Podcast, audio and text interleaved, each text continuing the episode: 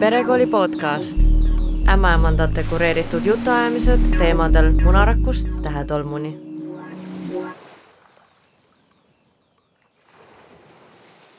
tere, mina olen Sofi Dragunevitš, olen ämmaemand.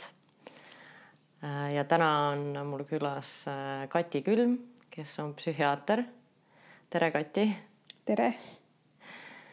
Katit ma tean juba mõned aastad ja on tore olnud käia sinuga seda mingis mõttes nagu tervishoiuteekonda. et oled ka mulle olnud vahepeal toeks. ja ma tahtsingi küsida su käest kohe alguseks, et millal sa teadsid, et sa tahad arstiks saada äh,? tegelikult ma kõigepealt läksin peale gümnaasiumit õppima proviisoriks ja, ja selle tõttu, et mind hakkas huvitama äh, gümnaasiumi ajal hoopis see, et, et kuidas erinevad ained äh, siis inimese ajus äh, töötavad. ja selline huvi tuli mul selle tõttu, et meil käis gümnaasiumis rääkimas üks äh, vanem naisterahvas kiirabist, kes rääkis äh, sellest äh, et mida narkootikumid inimestega teevad ja, ja kui halvad nad on. et ta rääkis äh, sellest natukene äärmuslikult ja siis äh, mina hakkasin mõtlema selle peale, et huvitav, miks siis inimesed ikkagi neid aineid teevad, kui, kui kõik on nii, nii äärmuslikult halb. Ähm, ja, ja siis ma hakkasin internetist lugema selle kohta ja, ja noh, nagu selgub, äh, siis tegelikult Mm, need ained ikkagi võivad inimestel tekitada päris palju positiivseid äh, tundeid ka. iseasi, kui jätkusuutlik see kõik on. Äh, aga, aga see tekitas minus huvi, et äh, miks inimesel üldse on ajus selline potentsiaal, et, et saab tekitada väga intensiivseid tundeid mingeid aineid siis manustades siis ma läksin proviisoriks õppima, et natukene paremini kõigest sellest aru saada, kuna see pakkus mulle lihtsalt huvi. aga kuna ma ei olnud väga läbi mõelnud, et mida selle erialaga pärast peale hakata, siis ma esimese kursuse ajal sain aru, et tegelikult äh, mul ei ole väga palju variante teha sellist tööd, mis mulle nagu päriselt huvi pakuks. ja siis ma läksin pärast ühte aastat õppima arstiks ja arstiks õppides ma sain üsna kiiresti aru, et ma tahan psühhiaatriks saada kuna mulle just väga pakub äh, huvi see, kuidas inimesed käituvad, miks nad nii käituvad. Ähm, ja, ja noh, muidugi vaimse tervise teema puhul on oluline ka see, et, et, et inimeste aitamine ikkagi mm, oleks midagi, mis sulle ka vastu pakub. et, äh, et see, see eriala tundus mulle selline, mis justkui nagu kõikide tingimuste poolest võiks mulle kõige paremini sobida jah aga teekond äh, psühhiaatriks saamisel ikkagi pidid läbi käima ju kõik need erinevad osakonnad, no nagu arstid ikka. jah, täpselt nii. ja ikka kogu aeg teadsid, et, äh, et sul, et sind, sinust kirurgi ei saa ja. Mm, eks mul arstiteaduskonna ajal vahepeal oli mõte, kui jälle mõni eriala tundus nagu huvitavam aga noh, need läksid ikkagi mingi paari kuuga, need mõtted läksid mööda, et ma mäletan, et ma mõtlesin, et mulle meel, meeldiks võib-olla olla rekonstruktiivne kirurg. Mm, mis siis tähendab seda pigem, et kui, kui näiteks inimestel on mingi autoõnnetus või nad on põlengus saanud vigastada, et kuidas siis äh, nii-öelda uuesti rekonstrueerida neid kudesid, äh, mis on siis kahju saanud ja just selle tõttu, et see minu kujutluses on väga loominguline töö, eks äh,, nagu ka psühhiaatria mm,. aga ma isegi täpselt ei mäleta, miks need mõtted üle läksid, et, et ma olen ikkagi väga kindel olnud äh, selles, et ma tahan psühhiaatriks saada ja residentuuri katsetel mul oli ka ainult üks valik, kuhu ma kandideerisin, et äh, praegu ma mõtlen, et kui ma ei saaks enam psühhiaater olla mingitel põhjustel siis ma arstitööd ei tahaks teha. kas psühhiaatreid on Eestis äh, puudu? jah, seda niimoodi väidetakse, et neid on puudu. praegu küll residente tuleb rohkem juurde, aga ma isiklikult arvan ka, et äh, paljud lähevad erasse, kuigi ka seal on kõik ajad üldjuhul täis, et et äh, minu aastal näiteks, kui mina residentuuri astusin, siis meid astus kokku ainult neli tükki. praegu on viimastel aastatel tulnud umbes viisteist inimest residentuuri, et ma loodan, et see läheb paremaks, et see ei ole olnud mingi periood väga populaarne eriala kas sulle tundub äh, nüüd, kui ühiskonnas on äh, vaimse tervise teemad aina rohkem päevavalguses, et kas siis ka arstidel on rohkem huvi selle eriala vastu? ma arvan, et see on üks äh, põhjus. ja teine põhjus on ka see, et, et inimesed ikkagi või noh, arstid, kes siis astuvad residentuuri, peavad läbi mõtlema, et millisel erialal äh, lisaks sellele, et neid see huvitab, oleks kõige siis äh, mõistlikum tööda, töötada äh, noh, näiteks kui suur on koormus, äh, kui suur võimalus on mul erinevates Eesti linnades töötada, milline on palk, kas ma pean tegema öötööd, eks ju, et kõiki selliseid asju residendid või residentuuri astuvad siis üliõpilased tegelikult läbi mõtlevad. et ma küsisin nende käest mul oli endal sama küsimus, et miks nüüd tuleb rohkem inimesi. Äh, ja, ja nad ütlesid, et sageli on see äh, huvi mõnevõrra praktiline. Äh, aga noh, neil on ka selgelt ikkagi huvi selle psühhiaatri vastu, et mitte päris nii, et ainult praktilistel põhjustel, aga lihtsalt kõik need faktorid nagu mängivad rolli selle valiku tegemisel. kas psühhiaatril on ka nagu oma suund ka või töötad äh, psühhiaatrina kõikidega, kõikide inimestega mm.? Residentuur on äh, lastepsühhiaatrid ja, ja täiskasvanute psühhiaatrid, et lastepsühhiaatri on siis selline lisa, lisapädevus või kõrvaleriala, et lastepsühhiaatrid on tegelikult nii täiskasvanute kui lastepsühhiaatrid. et nad õpivad ühe aasta siis rohkem residentuuris ja see on täiskasvanute psühhiaatria. aga Eestis on veel ka kohtupsühhiaatria, millele ei ole eraldi äh, residentuuri, aga sa saad siis läbida kohtupsühhiaatria koolitused ja seal on ka erinevad tasemed. ma täpselt küll ei tea, mitu taset kokku on, aga, aga kohtupsühhiaatria on äh, samuti. Ja, ja noh, siis äh, psühhiaatrid nii-öelda seal eriala sees mitteametlikult ka ikkagi sageli spetsialiseeruvad, et on arstid, kes, kes tegelevad rohkem äh, üldpsühhiaatriliste probleemidega ja, ja siis on arstid, kes rohkem tegelevad psühhootiliste patsientidega. Aga sa võid ka tegeleda näiteks, kui sa töötad kuskil äh, erakliinikus, sa võid tegeleda noh, põhimõtteliselt sa võid tegeleda äh, nii üldpsühhiaatriliste kui probleemidega kui ka psühhootiliste patsientidega. ja milliste patsientidega sina töötasid, töötad?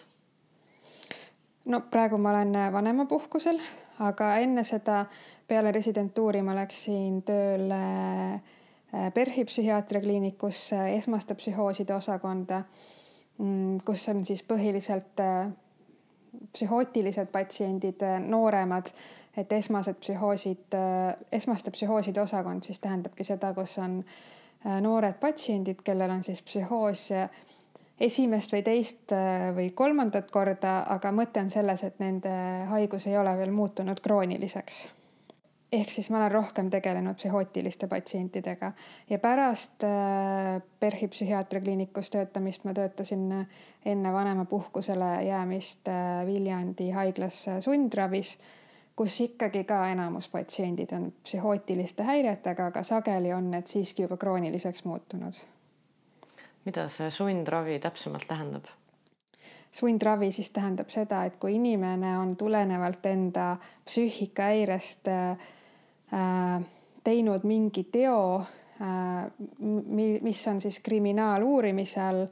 Mm, äh, et kui see siis tuvastatakse, et, et ta on oma teo teinud nii-öelda tulenevalt oma psüühikahäirest, siis ta ei kanna karistust mitte vanglas, vaid ta siis saadetakse ravile ehk siis sundravile, et see on nii-öelda sunniviisiline.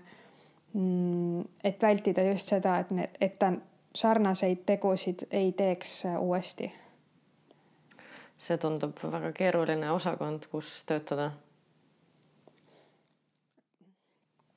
ma arvan, et eks see keerulisus äh, sõltub pigem sellest, et äh, millised on selle töötaja isikuomadused ja millised olukorrad siis vastavalt isiksusele on keerulised. et äh, minu jaoks on näiteks keeruline see, kui töö on väga aeglane. Äh, ja samas mulle meeldib valveid teha, kuna seal on, peab kiiresti otsustama, kiiresti tegutsema, palju asju juhtub. et, et see on minu jaoks äh, lihtsam töö kui, kui kuskil, kus on äh, vaja näiteks hästi palju paberitööd teha. et, et see keeruline või lihtne on nagu selline suhteline mõiste, ma arvan Äh,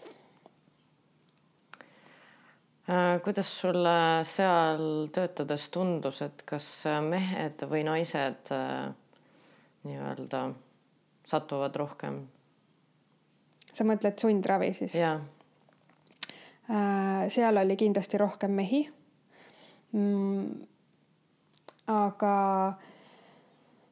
ma natuke eile lugesin ka selle kohta, et kellel siis on rohkem psüühikahäireid, kas meestel või naistel et seal on väga palju erinevaid faktoreid, mis seda mõjutab ja sellist põhjapanevat äh, ühest arvamust tegelikult ei ole, aga selge on see, et äh, meeste psüühikahäired äh, avalduvad mõnevõrra teistmoodi kui naiste psüühikahäired ehk mehed elavad ennast välja rohkem, neil on rohkem sõltuvushäireid, neil on rohkem düssotsiaalse isiksushäirejooni. Nad on rohkem näiteks äh, neil on rohkem probleeme näiteks vihaga, nad võivad äh, sattuda näiteks kaklustesse, eks ju. et äh, ma arvan, et see erinevus näiteks sundravis tuleb ka sellest, et äh, nende psühhiaatrilise probleemi väljendus on vägivaldsem kui naistel, et naistel on suurem tõenäosus näiteks depressiooniks või ärevushäireteks, et nad elavad justkui nagu sissepoole. kindlasti mõjutab naiste hormonaalne tsükkel, äh, seda, äh, millisel viisil ja kui haavatud, haavatavad nad teatud psüühikahäirete suhtes on. aga väga palju mõjutab ka naise ja mehe roll ühiskonnas, milline see on olnud, kuhu poole see kujuneb. et ähm, see mõjutab tegelikult nii mehi kui naisi. ja, ja sellised klassikalised arusaamad sellest, milline on naiselik naine ja mehelik mees tegelikult äh, ei aita absoluutselt kaasa äh, siis toimetulekuks äh, erinevate raskustega elus, mis siis võivad väljenduda hiljem psüühikahäirena. kas äh, sulle tundub äh, või no sulle või et kas kirjanduses on nagu näha, et äh, et nüüd, kui äh, räägime hästi palju võrdõiguslikkusest, et kas siis on äh, naistel vähem või rohkem äh, vaimse tervise probleeme? ma nüüd kirjanduse kohta ei tea, kas viimasel ajal Eestis on tehtud selle kohta uuringuid mm, või mitte, aga, aga seda on kindlasti näha lihtsalt praktikast, et, et kui see on, seda on uuritud, et naised pöörduvad rohkem äh, Äh, selliste esmaste muredega arsti juurde, sealhulgas ka psühhiaatri juurde äh, ja mehed pöörduvad siis vähem. Äh, et see tuleneb selgelt soorollidest, et mehed peavad ise hakkama saama, olema iseseisvad ja naised on siis sellised haavatavad ja neil on justkui nagu ähm, siis rohkem õigustatud või, või lubatud see mm, arsti poole pöördumine, eks ju et nendel rollidel muidugi on negatiivseid pooli mõlemal veel, aga, aga mehed järjest rohkem teadvustavad ja ikkagi pöörduvad ka psühhiaatri või psühholoogi juurde. et, et see muut-, hakkab muutuma normiks ja, ja rohkem ilmselt saadakse aru, et nagu, nagu sageli öeldakse, et Eesti mees pöördub arsti juurde siis, kui ta juba poolenisti ühe jalaga kirstus on, eks ju et äh, minu praktikas ma näen, et äh, ikkagi neid mehi on rohkem, kes juba julgevad pöörduda ja, ja see ei tundu neile mm, enam nii äh, suur nõrkuse märk. aga mul on ka praktikast üks natuke tragikomöödiline lugu, kus tuli vastuvõtule selline, ütleme viiekümne aastane mees ja astus sisse, alguses oli hästi ebalev ja, ja siis, kui me olime vastuvõtu ära teinud, äh, tal oli depressioon ja sai ravi peale, siis äh, enne kui ta uksest välja läks, siis ta ütles mulle, et polnudki nii hull, oleks võinud viisteist aastat varem tulla et, et see on natuke põlvkondade erinevus ka, et vanemad mehed ikkagi pöörduvad vähem ja nad on hästi nagu kartlikud, kui nad tulevad. Äh, nad ei oska midagi oodata.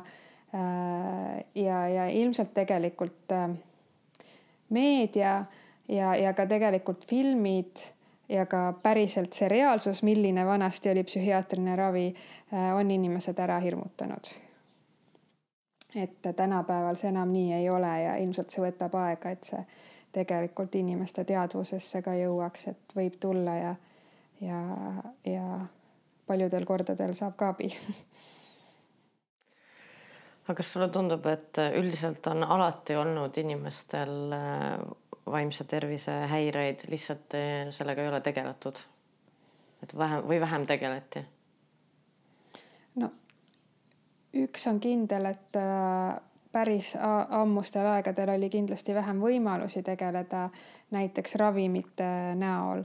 vanemad kolleegid on öelnud, et, äh, et siis, kui nemad olid noored seal kuskil kuuekümnendatel, eks ju. et, et siis oligi sageli nii, et skisofreenia haiget tuligi lihtsalt ainult füüsiliselt kinni hoida, kuna ravimeid lihtsalt ei olnud saada. et selle ajaga on ikkagi tohutu muutus toimunud psühhiaatrias ja meil on äh, ikkagi päris mitmeid ravimeid äh, selleks, et seda patsiendi vaimset seisundit parandada ja tema enesetunnet äh, teha talutavamaks. ja sageli ka aidata täitsa ära ravida. kas varem olid varjatud need vaimse tervise probleemid mm,? seda on küll, küll kindlasti, et äh, viimasel, viimasel ajal on rohkem sellist depressiooni ja ärevust ja, ja see on tõenäoliselt ikkagi seotud sellega, et äh, milline see ühiskond on, kui palju nõutakse äh, mis on, mis on see nii-öelda aktsepteeritud norm. lisaks see, et on palju erinevaid valikuid, mille vahel valida. tempo on palju kiirem, et noh kasvõi noh, ma toon näiteks võrdluseks, et kui mina käisin äh, põhikoolis, siis kui me pidime tegema referaadi, teed mingi viielehelise referaadi, eks ju, et äh, siis äh, me pidime minema raamatukokku ja otsima erinevat materjali. ja selleks oli mitu nädalat aega. ja, ja samal ajal ülikoolis, kui me pidime tegema umbes sama mahuga või natuke mahukama ettekande peale igat tundi igaks järgmiseks päevaks, kui sa juba oled tükk aega olnud ülikoolis äh, näiteks loengutes ja seminarides. et, äh, et jah, sul on see info kiiremini kättesaadav, sa lihtsalt guugeldad kodus arvutist, aga see võimekus seda kõike informatsiooni läbi töötada, noh, sellel on ka tegelikult mingi piir ees. et, et seda infot ja võimalusi on nii palju sageli ei saada sellest aru minu meelest, et, et tegelikult peab oskama puhata, peab oskama oma äh, mõtteid välja lülitada. seda meile ei õpetata.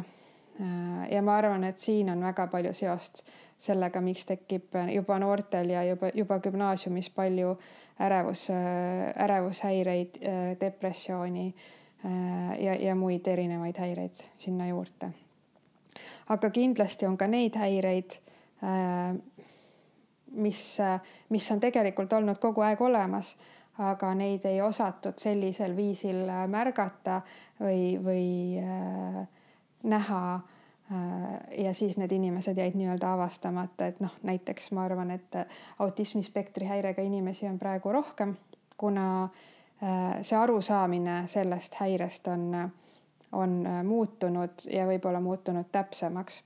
kuigi siinkohal jällegi äh, tekib erinevus selle vahel, et mida me nimetame häireks ja mis on siis võib-olla lihtsalt äh, äh, erinevus. et äh, häiret me hindame ju selle järgi, et mis on siis nii-öelda see keskmine, et milline inimene peaks tulema toime sellises keskkonnas äh, nagu meil praegu on ja see keskkond on siiski ju seotud väga palju äh, erinevate siis sotsiaalsete normidega, eks ju. et kui, kui rääkida näiteks autismispektri häire või, või ATH-ga inimestest, siis seda enam paljuski ei hinnata nii-öelda häireks, kuigi seda diagnoositakse häirena et kui sa tuled äh, toime ja noh, eluga on ju, siis on lihtsalt sinu nagu eripära on ju. jah, ja ma arvan, et äh, seda toimetulekut saab ka parandada selle järgi, et sa ikkagi lood endale sellise keskkonna, kus sul on siis vastavalt oma eripärale võimalus äh, paremini toime tulla. et noh, ma toon lihtsalt näite, et kui äh, Äh, autismispektri häirega ja, ja samamoodi ATH-ga inimestel võib olla hästi palju sensoorset sellist ülitundlikkust, et äh, kontori näiteks tuled on liiga eredad, siis äh, sa lihtsalt lülitad need välja või paned lihtsalt teistsuguse valguse, eks ju. et see on hästi nagu lihtne näide, et tegelikult kogu äh, kogu see toimetulek on keerulisem, aga lihtsalt äh, kontorilambid on igal pool sellised, nagu nad on, sest keegi on kunagi mõelnud, et nii peab olema ja enamus inimestele nii sobib, eks ju. et, äh, et aga on inimesi, kellele alati ei sobi need tingimused, mis enamus inimestele sobivad. et siis on oluline leida, et kuidas just tulla toime siis selles maailmas, mis on loodud äh, siis ühe nii, ühe nagu standardi järgi nii-öelda, et kuidas siis seal ise toime tulla, kui sa oled natuke teistmoodi. jah, mulle, mina arvan, et äh, tegelikult me kõik vajame mingeid äh, toimetulekustrateegiaid, sest nagu sa ütlesid, et maailm on kiire, infot on palju, et meile kõigile kulub ära see puhkehetk ja äh, tegelikult ka see vahe, et mitte me alati ei leia aega selleks, vaid me võiks võtta aega selleks. jah, ma olen sinuga nõus, et seda tulebki võtta ja samamoodi toimetulekustrateegiaid on vaja tegelikult kõikidele inimestele. et jällegi siin ma võin tuua näite väga paljudest enda patsientidest kes äh, on tulnud samamoodi vastuvõtule. Äh, neil on ärevuse ja depressiooni sümptomid, aga kui kuulata, et kuidas nad siis elavad, et mis parasjagu toimub, on ju, et äh, siis elu näebki umbes selline välja, et inimene käib seitse päeva nädalas, kaksteist tundi järjest tööl, eriti ei maga ka, eriti normaalselt ei söö.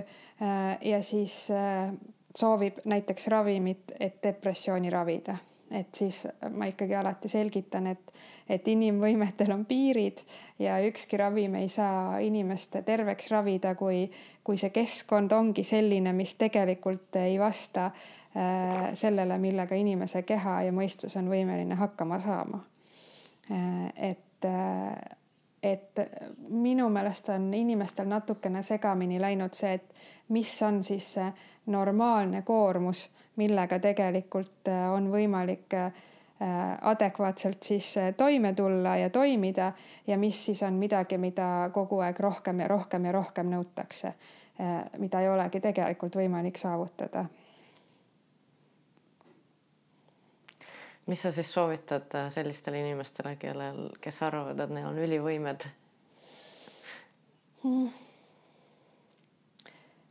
no sellepärast nad pöörduvadki, et neil ei ole ülivõimed, eks et neil ikkagi on tekkinud mingid probleemid, et äh, tavaliselt ma mm, soovitan äh, vaadata üle, mis see päevaplaan on, kas kuskilt annab midagi vähem teha ja selgitan ka seda, et, et kuidas need ravimid nii-öelda toimivad, et, et nad ei anna äh, sellist lõputut lisaressurssi, mille arvelt siis teha ainult rohkem ja rohkem, eks ju et selgitangi seda, kuidas keha ja mõistus töötab ja milliseid muutuseid on vaja oma elus teha selleks, et äh, ei oleks neid nii-öelda faktoreid, mis seda depressiooni ja ärevust või siis mõnda muud psüühikahäiret äh, siis äh, kogu aeg põhjustada võib või mõjutada või süvendada, eks ju.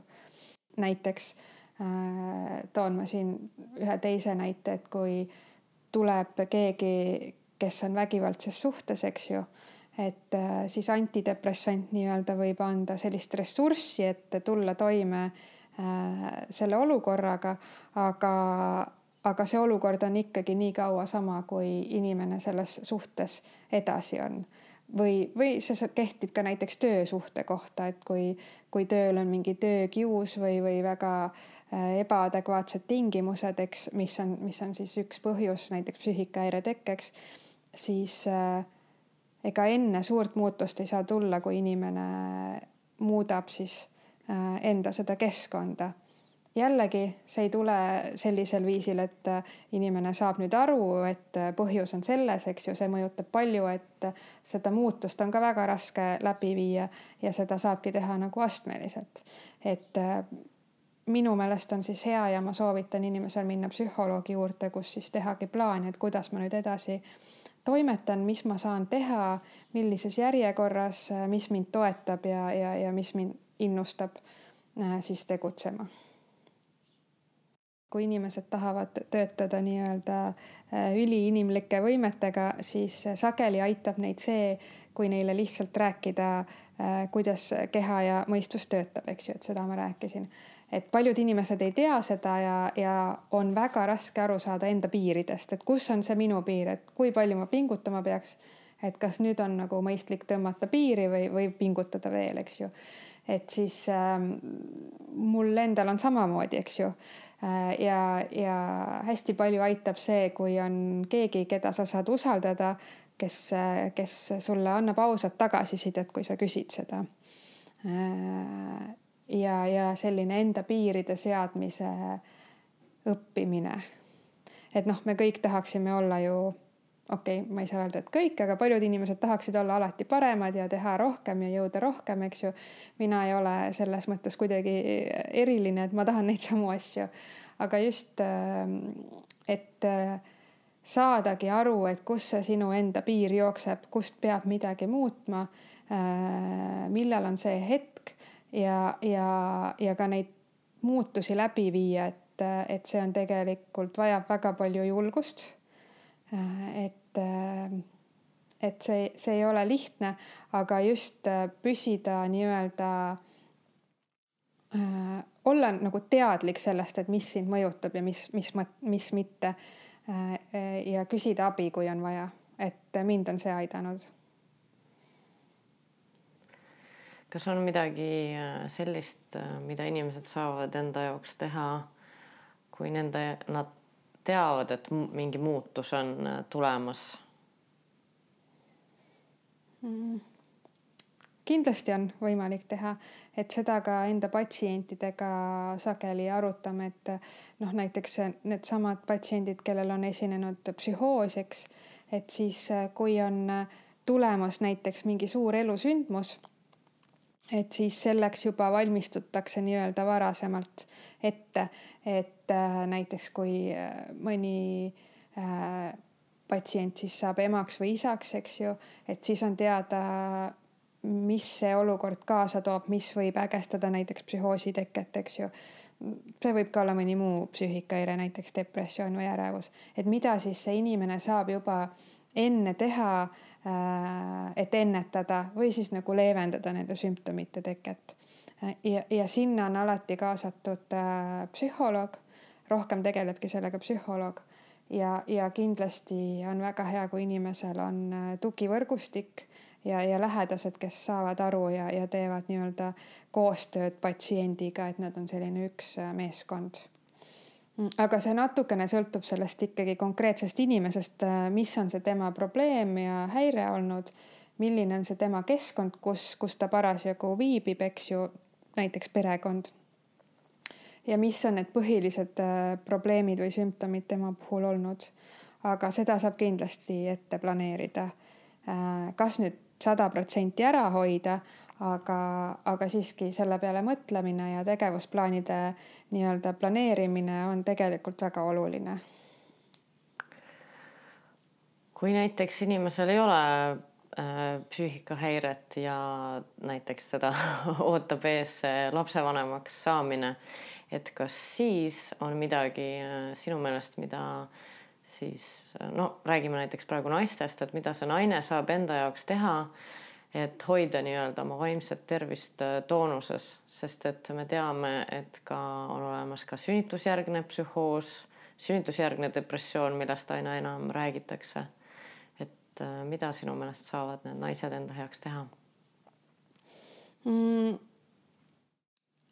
alati on võimalik proovida ennetada, aga ka kindlasti see ei pruugi olla sada protsenti ennetatav, et võib teha kõike, eks ju, aga kuna äh, need seisundid on ikkagi seotud selle hor hormonaalse seisundiga, eks, mis, mis naise kehaga toimub raseduse e, ja äh, pärast sünnitust, eks ju. Ähm, aga kui nüüd minna hästi palju ajas tagasi enne seda sünnitust ja rasedust, siis minu meelest üks olulisem asi, mida naine saab teha, on valida endale toetav partner äh, mõelda läbi, et mis on tema jaoks äh, oluline suhtes ja näiteks emaks saamise osas, miks ta tahab emaks saada, mida tal on vaja selleks, et et olla ähm, võimalikult äh, heas seisus ja toetatud. Ähm, muidugi jälle mul on väga lihtne seda kõike rääkida, eks, et paljud asjad meile tulevad ootamatud ja me ei oskagi neid äh, ette mõelda, eks ju. Aga, aga siiski läbi arutada näiteks oma partneriga, mm, kui on partner olemas, et äh, kuidas tema näeb näiteks oma isa rolli või oma vanema rolli selles Äh, kuidas märgata näiteks, et äh, lapse ema siis äh, vaimne seisund hakkab kuidagi muutuma või et tal on kasvõi raske. et mida ollakse valmis siis tegema, et, et aidata, kuidas üldse nähakse lapsevanema rolle, et kas, kas noh, nagu mõned mehed arvavad, et ema tegelebki lapsega, nemad käivad tööl ja pärast tööd nad tulevad koju ja on väsinud ja vaatavad telekat, eks. Last toidab naine. et, et kuidas üldse lapsevanemaks saajad näevad neid erinevaid rolle ja läbi arutada, et mis siis ühele või teisele sobib. ja, ja ka teadvustada seda, et see, mida arvatakse enne lapsevanemaks saamist et kuidas need asjad võiksid olla, et need võivad muutuda ja et tuleb olla tegelikult paindlik ja, ja tuleks märgata enda kaaslast, sellepärast et Eesti naistel on see komme, et nad arvavad, et nad peavad kõigega üksi hakkama saama. noh, seda ma näen äh, väga palju enda sõbrannade ja ka tegelikult patsientide hulgas. et seda ei taheta üldse nagu tunnistada, et tegelikult mul on raske ja ma ikkagi ei jõua äh, iga öö, iga tunni aja tagant üles ärgata, et lapsega tegeleda äh,. ja samal ajal ei ole võib-olla äh, Äh, ka mehed piisavalt äh, mm, valmis märkama seda, et kui nende naine on sellises äh, seisundis, kus tal oleks abi vaja. Samas ka naised ei taha sageli tunnistada, et neil on abi vaja, et see on kõik selline omavahelise suhtluse teema. kokkuvõtvalt ma arvan, et, et see suhe inimesega, kellega laps saadakse, peab olema hea, avatud, paindlik ja üksteisega arvestav ja, ja inimesed peaksid saama äh, olla üksteisega väga-väga ausad. et see on siis nagu ideaalses maailmas, eks ju, aga sageli tuleb ka ette olukordasid, mida me ei oska ette näha. et, äh, et see tugivõrgustik on jällegi oluline ja teine asi võib-olla enda jaoks läbi mõelda, näiteks kui on olukord selline, et, et inimene saab lapsevanemaks niimoodi, et tal ei ole partnerit, et neid inimesi on ka. Osad ei ole sellist äh, valikut võib-olla teinud äh, koheselt, eks ju, aga osad inimesed ka valivad saada üksinda lapsevanemaks. et äh, läbi mõelda näiteks mingisugused sagedamini juhtuvad olukorrad, et mis ma sellises olukorras teha saan, et näiteks kui mul on tõesti vaja magada üks öö, et keda ma saaksin appi kutsuda või, või kelle poole, poole ma saaksin pöörduda või kellega ma saaksin rääkida. et ja üks naljakas koht, kus mina olen saanud väga palju sihukest äh, tuge või emotsioonide valideerimist on äh, Instagram ja TikTok, sest seal teevad väga paljud emad videosid erinevatest emotsioonidest, mis neil tekib lastega tegeledes. Ja, ja sellist sisemist heitlust tekitavad pigem need emotsioonid, kus sa mõtled, et issand, ma ei jaksa või miks ta peab iga tunni aja tagant nagu üles ärkama, ma ei viitsi tegeleda sellega, et noh, sellised siirad emotsioonid, mida tegelikult äh, meil ei ole õpetatud, et see on normaalne, et need tekivad, aga nad lähevad üle. et mida rohkem me neid äh, tahame alla suruda või tahame, et neid ei oleks, siis äh, seda rohkem neid tekib. aga kui vaadata Tiktoki, siis seal on väga palju inimesi, kes selliseid videosid teevad ja normaliseerivad seda et see, ma arvan, päris palju aitab äh, vähendada sellist süütunnet, et issand, mul tekkis selline tunne. et äh, sealt näiteks, aga muidugi peab suutma kriitiliselt vaadata, et mida siis vaadata, milli-, milliseid siis inimesi jälgida ja millist infost uskuda, sest et äh, nagu igal pool mujal internetis on seal igasugust informatsiooni. ja, ja lisaks ma tahaksin tegelikult veel seda öelda, et äh, et enda jaoks võiks olla äh, näiteks välja mõeldud see, et mis, mis need võivad olla äh, depressiooni sümptomid pärast sünnitust, eks ju. ja et, et julgeks pöörduda, et äh, julgeks minna näiteks kasvõi perearsti juurde, sellepärast et perearstidel on võimalus teha digikonsultatsioon see tähendab siis seda, et, et kui te pöördute perearsti juurde oma murega, siis äh, perearst kirjeldab siis teie seda seisundit ja, ja teie haiguslugu siis äh, psühhiaatrile siis, kes konsulteerib ja, ja siis annab kas soovitused raviks või siis äh, vajadusel leidakse kiiremini siis psühhiaatri aeg. et muidu praegu hästi palju räägitakse, et psühhiaatri juurde üldse ei saagi vastuvõtule enne kui kuue kuu pärast, mis sageli võib olla liiga hilja aga siis tulekski läbi perearsti äh, siis äh, minna, et, et perearst tegelikult oskab ka päris palju psühhiaatrilisi häireid ravida. et tasub alati nende poole pöörduda. aga on sul soovitada mingeid äh, selliseid igapäevaseid nippe, mida enda heaks teha, et äh, näiteks värske lapsevanemana mitte sattuda nii-öelda lihtsalt inimlikus keeles öeldes auku? väga hea, et sa küsisid, sest ma tahtsin sellest rääkida, aga ma unustasin mina soovitaksin võimalusel minna trenni, et see on üks asi, mis äh, seda mõistust ja, ja keha ikkagi hoiab toonuses. et kui vähegi võimalik käia, see mõne, mõnele inimesele on nagu ebarealistlik soovitus, sest mõned ongi, äh, peavadki olema kogu aeg lapsega kodus. Mm, äh, noh, neid põhjuseid on erinevaid, miks ei ole võimalik minna kuskile trenni, aga võib-olla siis äh, otsida internetist või Youtube'ist, kus on näiteks mingid erinevad joogaharjutused, mida saab näiteks lapsega koos teha. et ähm, ja, ja kindlasti, et oleks sõpru, kellega on võimalik näiteks kokku saada kasvõi niimoodi, et te jalutate lapsega koos. et äh, hästi lihtne on jääda koju ainult lapsega tegelema äh,. et see tegelikult nõuab pingutust saada inimestega kokku mm,. aga see tasub ära, et mul on endal päris palju olnud niimoodi, et ma äh, mõtlen, et peaks nüüd äh, saama kellegagi kokku, et ma olen jäänud siia äh, tuppa lapsega või ainult temaga jalutama ja ainult temaga jalutanud. ja siis ma mõtlen juba, et ah, ma tegelikult ikkagi ei viitsi sõbrannaga kokku saada, et nüüd ma olen liiga väsinud. ja siis abikaasa ütleb, et ei, ikkagi nüüd sa pead minema, et et sul on alati parem olla siis, kui sa oled saanud oma nagu pead tuulutada.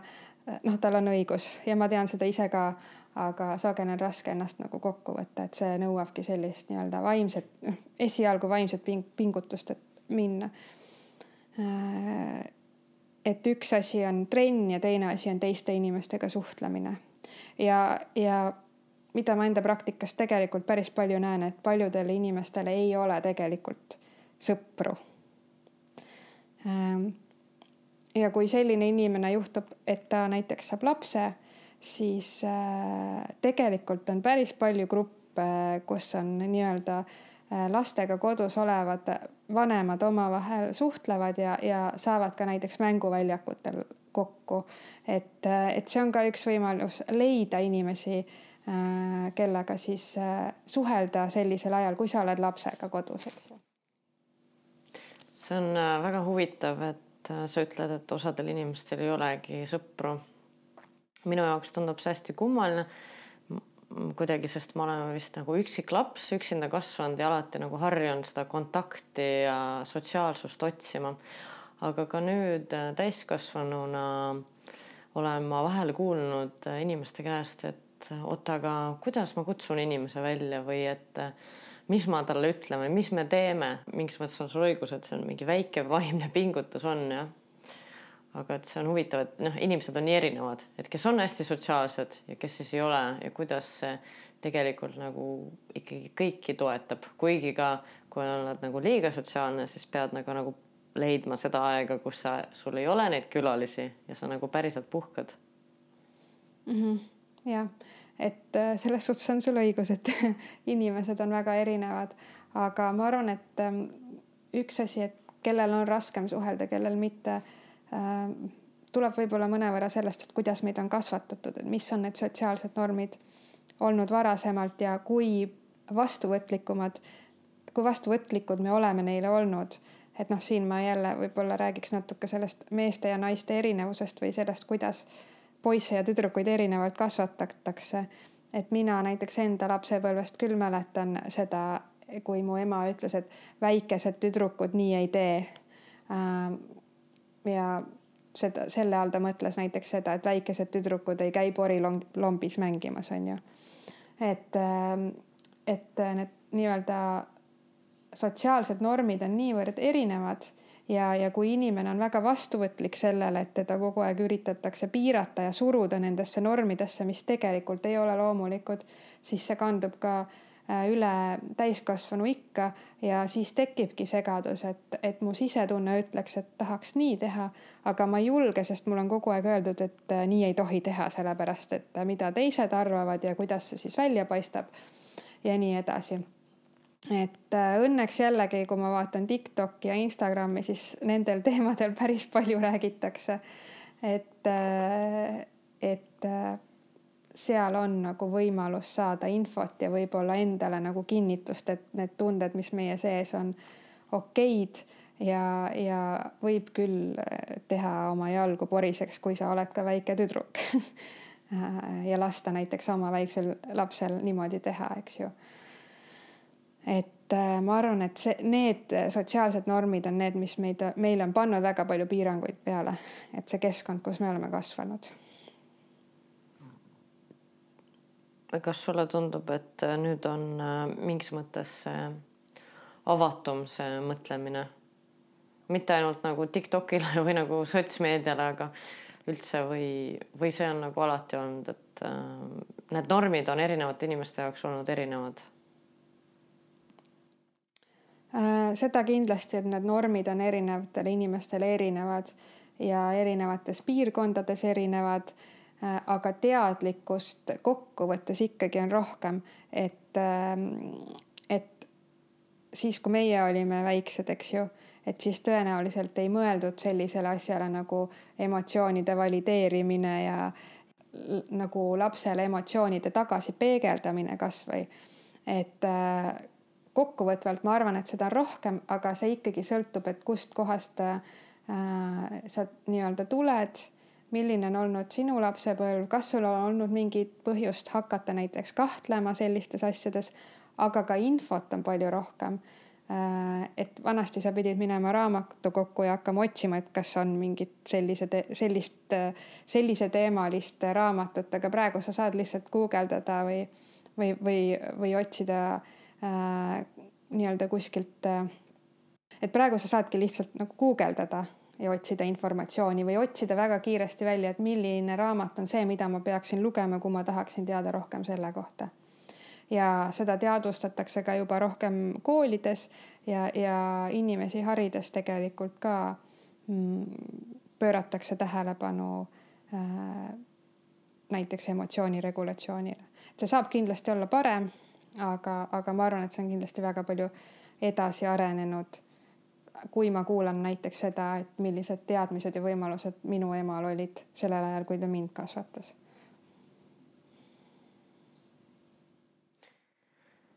jah, ma olen ka palju mõelnud sellele, et kuidas ähm, haridussüsteem, kus me nagu veedame nii palju aastaid, eks ole, arenevate indiviididena, et kui suur potentsiaal seal tegelikult on meile anda nagu kaasa pagas, et elus mingite asjadega paremini toime tulla. et äh, huvitav on näha seda arengut ja et ma mõtlesin ka selle peale, et, et keskkoolis sai igast kõrgemat matemaatikat õpitud, aga keegi tegelikult ei öelnud mulle, et, et ma peaks õppima ka ennast usaldama jah, minule ka keegi seda ei öelnud gümnaasiumis et äh, aga nii palju, kui ma olen kuulnud praegu, siis tegelikult nendele asjadele juba mõndades koolides pööratakse tähelepanu ja tegelikult on juba mitmeid aastaid vana projekt, mida viiakse ka praegu läbi, on vaikuseminutid koolis, äh, mis samamoodi ju õpetab äh, emotsiooni regulatsiooni. see põhineb siis mindfulness meditatsioonil, et seda õpetatakse lastele ja mul on ka mõned tuttavad äh, õpetajad ja nad räägivad, et lastele väga-väga meeldivad need tehnikad, et nad teevad hea meelega ja kogu tund on palju rahulikum, kõik mõtlevad noh, mitte kas, kas nüüd just kõik, aga väga palju rohkem lapsi mõtleb kaasa ja suudab rahulikult siis teha seda, mis, mis neile eesmärgiks on antud. See on äh, jah äh, huvitav, kuidas see maailm liigub äh, kiiresti mitmes erinevas suunas, et mingis mõttes hästi positiivsetes suundades ja siis teisalt jällegi nagu elu põletamise suunal ka, et et kuidagi, kuidagi ennast nagu tasakaalus hoida. et see ongi nagu challenge. aga mulle on viimasel ajal tundunud, äh, et üldiselt vaimne tervis ähm, ei ole enam nii stigmatiseeritud. kas sa arvad, et me jõuame mingi hetk sellisesse kohta, et kus on ikkagi noh, täiesti normaalne minna, eks ole, et ei pea viisteist aastat ootama, et sa lähed? Äh, ma arvan, et kindlasti kunagi jõuab sellesse kohta Äh, aga ma, ma arvan, et see praegu sõltub ka ikkagi natuke sellest, et äh, millisest kohast äh, milline inimene tuleb, eks ju. et minu sõprade seas on täiesti normaalne, kui keegi küsib, et kuule, et mul on üks probleem, on ju, ma pean psühhiaatri juurde minema, et keda sa soovitad. et äh, neil ei ole imelik küsida, mul ei ole imelik vastata, eks ju. Äh, aga ma arvan, et on ka inimgruppe, kus see on väga tabuteema, eks ju. ja, ja, ja, ja pigem oodatakse ikkagi aastaid, enne kui pöördutakse. et äh, aga see, et kuskil inim, kuskil inimgruppides see enam pole tabu näitab seda, et toimub ikkagi liikumine sinna suunas, et, et samamoodi kui sul on kõrge vererõhk ja sa lähed äh, ilma piinlikkuseta arsti juurde, et kui sul on depressiivsed sümptomid, et siis sa samamoodi lähed ilma piinlikkuseta arsti juurde, eks. Äh, ja julged abi küsida. et ma arvan, et see liigub sinna suunas küll, jah seda ei ole kuidagi nii lihtne määrata, eks ole, et, et kui käeluu on katki, noh siis on ilmselge, eks ole, et kuhu pöörduma peab. Aga kui peas ei ole asjad nagu korras, siis äh, ma arvan, et tihti inimesed mõtlevad, et aa ah,, et küll, küll laabub, küll saab, on ju, või et ootavad midagi. Selle asemel, et äh, võib-olla mitte raisata neid äh, aastaid jah, selles suhtes see olukord on kindlasti keerulisem äh,. et aru saada, et millal ma üldse pöörduma peaksin, et vaimse tervise probleemide üks äh, sümptom ongi juba see, et äh, see mõtlemine on mõnevõrra muutunud, eks ju äh,. ja siis on ka raske ära tabada, et millal on see hetk pöörduda, sest et see on nii-öelda üks sümptom äh, ma ei tea, kas ma seletasin nagu arusaadavalt, aga, aga depressioonis inimene võibki olla nii pidurdatud ja, ja selliste sümptomitega, et ta enam ei saagi aru, et ta peab pöörduma. et siis ongi hästi oluline, et keegi lähedane ütleks, et kuule, et sa ei tule enam toime või sa oled muutunud või, või sa tundub kõrvalt, et sa ei tunne enam millestki rõõmu et, et inimesele nii-öelda luua seda teadlikkust või märkamist, et on jah teistmoodi, et tõesti ma ei tunne enam asjadest rõõmu või, või mul ei ole üldse emotsioone või midagi sellist. et aga sellel inimesel, kes ise seal sees on, sageli ongi raskem sellest aru saada kui kõrvaltvaatajal aga kõrvaltvaataja peab siis olema keegi lähedane, sest et äh, inimestel on väga suurepärane oskus äh, sageli teha head nägu. head nägu. Et ähm, see sõltub nüüd muidugi natuke depressiooni raskusastmest ka, et kui on ikkagi väga raske depressioon, siis seda teeselda, et seda ei ole, on väga raske. aga mis on siis äh, need hetked, kui näiteks peaks soovitama siis lähedasel inimesel pöörduda psühhiaatri poole? no sa mainisid, eks ole, et rõõmu ei tunne.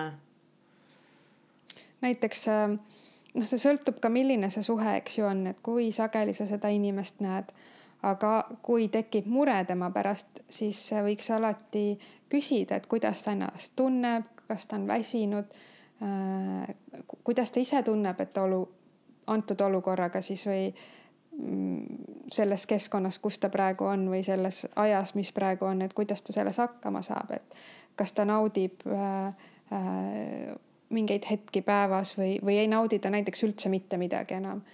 kõik jätab äh, täiesti külmaks, et, et me sageli arvame, et depressioonis inimene on kurb. et äh, see on, ta võib olla kurb, aga tal võib ka olla niimoodi, et tal ei ole ühtegi emotsiooni et äh, see võib olla väga sageli segadust tekitav, sest et, et kurb on, kurbus on see, mida meie hindame nii-öelda negatiivseks emotsiooniks, on ju, mis võib-olla ei ole väga hea äh, seda niimoodi hinnata, aga, aga see on juba natuke teine jutt. aga et kui ei ole üldse emotsiooni, et ma ei ole otseselt kurb, aga ma ei ole rõõmus ka, et siis läheb natuke kauem aega, et aru saada, et tegelikult nii ei peaks olema et äh, näiteks tööl on raske käia, siis äh, inimesed ei saa magada või magavad liiga palju, võivad igasugused kehalised sümptomid lisaks tekkida äh,. inimene näiteks ei taha süüa, et kui keegi sinu lähedane on võtnud alla lühikese aja jooksul palju, siis tasuks alati uurida, et kas see on kas see on kuidagi soovitud kaalukaotus, et inimene ongi dieeti pidanud, trennis käinud ja see ongi tema eesmärk või see on tulnud sellepärast, et tal ei ole enam söögiisu või, või ta ei jaksa näiteks poodi minna, eks ju. Äh, et, äh, et alati tasuks kõigepealt rääkida oma lähedasega ja kuulata, mida ta siis sulle ütleb. et paljud muidugi tahavad ka vähendada enda probleemi, eks ju et äh, seda juhtub psühhiaatris päris palju, et meie käest küsitakse nõu, et kuidas ma saan oma lähedase psühhiaatri juurde, et, et kui ta ei taha tulla või ta ei näe probleemi, eks ju. et kui inimese seisund ei ole ohtlik nii-öelda, ta ei ole siis seaduse järgi ohtlik, otseselt ohtlik endale või teistele, eks, siis ei saagi, et me ei saa sundida kedagi ennast ravima, et samamoodi nagu diabeedihaige ei pea rohtu võtma, kui ta ei taha äh,, ei pea ka inimene, kellel on äh, depressioon, mis siis ei ohusta ei tema ega teiste elu antud hetkel äh,, ei pea ennast ravima ja see võibki olla sageli keeruline nende inimeste mhm, jõudmine psühhiaatrini. kas üldine tendents on see, et inimesed vähendavad oma probleemi? see sõltub natukene häirest et äh, vaimse tervise häireid on väga palju erinevaid, see ampluaa on väga suur, sümptomid on väga erinevad et äh, teatud liiki häirete puhul inimene ei pruugi üldse aru saada, et midagi on valesti. et noh, näiteks psühhootilise häirega inimesed sageli ei saa üldse aru, et nendega midagi toimub. Bipolaarse häirega inimesed äh, näiteks, kui neil on hüpomaania või maania, siis neil on väga palju energiat, väga palju mõtle, mõtteid, nad võivad ennast tunda väga-väga-väga hästi ehk siis nendel on täiesti arusaamatu, et miks keegi ütleb, et seda tuleks ravida, eks ju. aga, aga ma igaks juhuks ütlen siin ära, et seda tuleb ravida sellepärast, et kui see maania või hüpomaania äh, tekib ja, ja äh, kestab kaua, siis pärast seda tuleb seda raskem depressioon. Et sageli inimesed teevad maania käigus väga ebaadekvaatseid asju. ja noh, kui sul see teadlikkus siis jõuab kui see maania üle läheb, et mida sa kõike oled endale korraldanud, et siis neid probleeme lahendada on väga palju. pluss noh, suudate ise ette kujutada võib-olla, et kui te olete kaks nädalat äh, sellisel režiimil, et magate ühe tunni ööpäevas, et siis see energia ju võetakse millegi arvelt, et eh, ehk see depressioon sealt tuleb palju sügavam. aga vastates siis küsimusele, et see sõltub häirest. et äh, kuidas see inimene siis subjektiivselt kogeb selle häire nii-öelda raskust või üleüldse, kas ta saab aru, et midagi toimub. ja see sõltub ka inimese isiksusest. Äh, et seal on nii palju faktoreid, mille põhjal, äh, kas inimene on siis teadlik või mitte ja mängivad ka rolli see, et millised inimesed on sinu ümber, sellepärast et väga palju on meil ikkagi ka inimesi, kes arvavad, et psühhiaatrilisi ravimeid võtma ei pea, need teevad kõik ainult hullemaks. ja, ja tegelikult äh, arstid üldse on välja mõelnud kogu aeg kogu selle süsteemi, äh, et toetada ravimfirmasid, eks ju. et äh, meie lähedased inimesed on, mõjutavad meid väga palju, et mul on päris palju patsiente, kes on pärast aastatepikkust võitlust tulnud salaja minu vastuvõtule, sest et äh, kui nende lähedased saaksid teada, et nad näiteks antidepressante võtavad, et nad ei kiidaks seda heaks ja sellest tuleks palju probleeme juurde. Tegelikult me mm, jõuame siis kuidagi sellesse kohta, et, ähm, et kõige paremini toetab vaimset tervist ähm, iseenda tundmaõppimine, siis aja võtmine ja siis vastavalt vajadusele abi otsimine, eks ole. jah, need on kindlasti väga olulised faktorid. et üleüldse soovitan kõikidel inimestel mõelda selle peale, et miks ma mida oma elus teen, mis on minu eesmärk. aga mitte kaduda ära sellesse, et äh, minu elul on mingi suurem eesmärk ja kui ma nüüd seda praegu kohe ei leia, on ju, et siis ollakse väga suures stressis, et võib võtta lühikesi eesmärke, et võib ka olla see, et minu eesmärk on äh, sellel aastal äh, teenida näiteks nii palju raha, et ma tulen äh, hästi toime. Ja, ja näiteks eesmärk on osata piire seada, saada aru, millal ma pean puhkama, et eesmärgid võivad ka olla sellised jah, ma ei usu, et äh, üleüldiselt, et kellegi eesmärk oleks olla orav rattas, et see kuidagi juhtub inimestega. jah, aga ma arvan, et siinkohal võikski alati hästi kriitiliselt mõelda, et mis on mu eesmärk, mida ma soovin, mida ma ei soovi. et kui me püstitame eesmärgi ainult selle nimel, et mul on vaja äh, maja, suvilat ja autot, aga me ei pane sinna nii-öelda lisaks sellele eesmärki, et ma tahan ennast tunda ka hästi, olla puhanud, olla keskendunud, on ju, et siis see lähebki selles osas natukene nii-öelda lappesse, on ju, et me töötame ainult selle ühe eesmärgi nimel, aga meil ei ole äh, teisi eesmärke, mis võiks sellist tasakaalu luua. Jah, jah, et eesmärkide seadmine kindlasti võib stressi tekitada ka inimestes aga, aga võib-olla tõesti, et äh, see ei pea olema mingi selline suur, suur asi on ju mm. -hmm.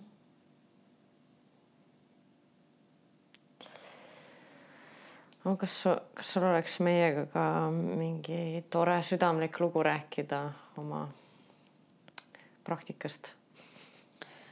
jah, et selle küsimuse sa mulle andsid ette ka mõtlesin selle peale päris mitmeid kordi ja äh, mõtlesin selle peale, et ma ei, ma ei oska tuua nagu ühte kõige südamlikumat lugu välja, aga just seal äh, esmaste psühhooside osakonnas töötades, et äh, hästi tavapärane on see, et need inimesed on seal nii-öelda tahtest olenematul ravil ehk nende seisund on nii-öelda ohtlik neile või teistele Äh, aga sellest häirest tulenevalt nad sageli ei saa aru, et, äh, et neil on äh, mingi häire, et see on seisund, mida tuleb ravida. ehk nad on alati väga sõjakad ja väga pahased, et arst on nad sinna nii-öelda kinni pannud, eks ju, selline uskumus neil on.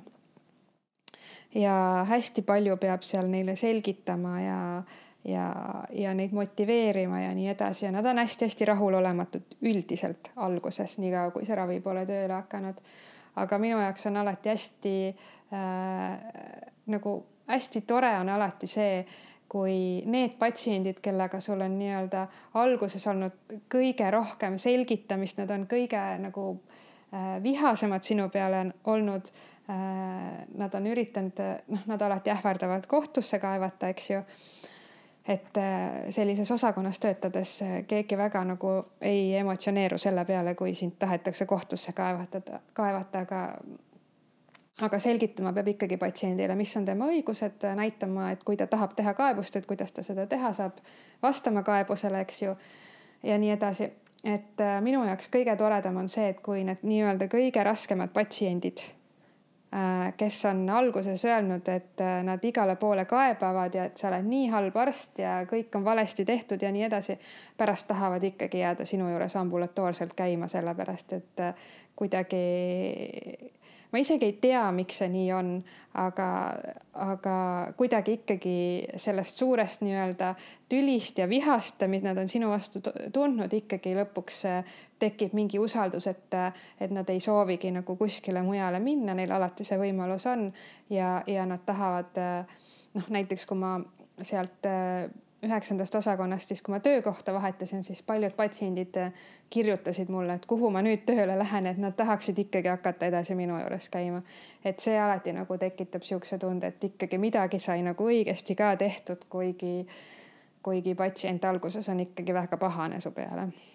see on ka hästi tore, kui, kui sa näed, et kui selle ravi käigus see perekond, kes sellel patsiendil on, tuleb kaasa nende mõtetega ja nad nii-öelda proovivad olla siis toeks sellele patsiendile, et proovivad nii-öelda muuta enda uskumusi, mis on ikkagi väga keeruline teha äh, selleks, et nii-öelda abistada seda patsienti ja aidata tema siis paranemisprotsessile kaasa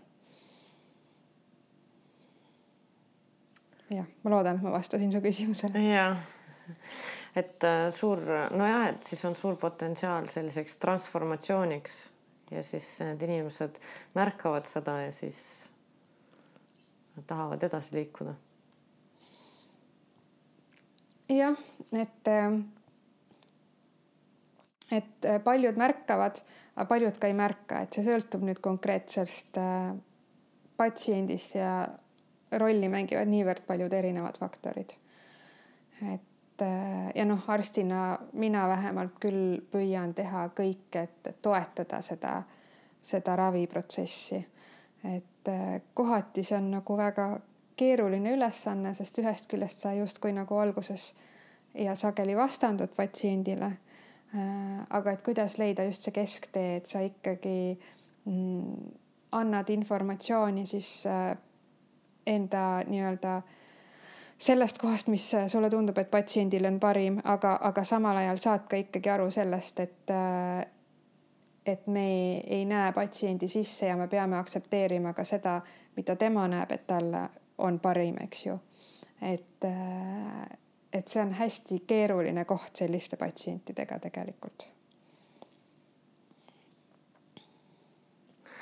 nojah, et äh kujutan ette, et psühhiaatrina tuleb arvestada, et, et need inimesed ei pruugi terveks saada. jah, tuleb arvestada ja aga kui sa saaksid siis linna peale panna suure plakati kõikidele lugemiseks, mis sa kirjutaksid sinna?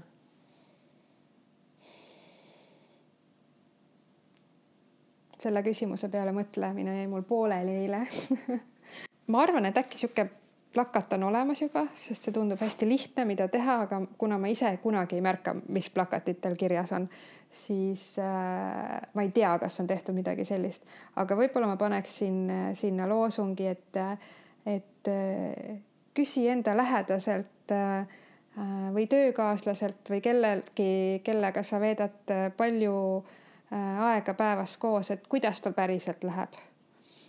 et et äh, mitte lihtsalt, et kuidas läheb ja siis vastatakse, et äh, hästi äh, vaid et kuidas tal päriselt läheb äh,. võib-olla niimoodi. et julgustada inimesi päriselt uurima üksteiselt, kuidas läheb. jah. et ma arvan, et sellest võib päris paljudele olla abi.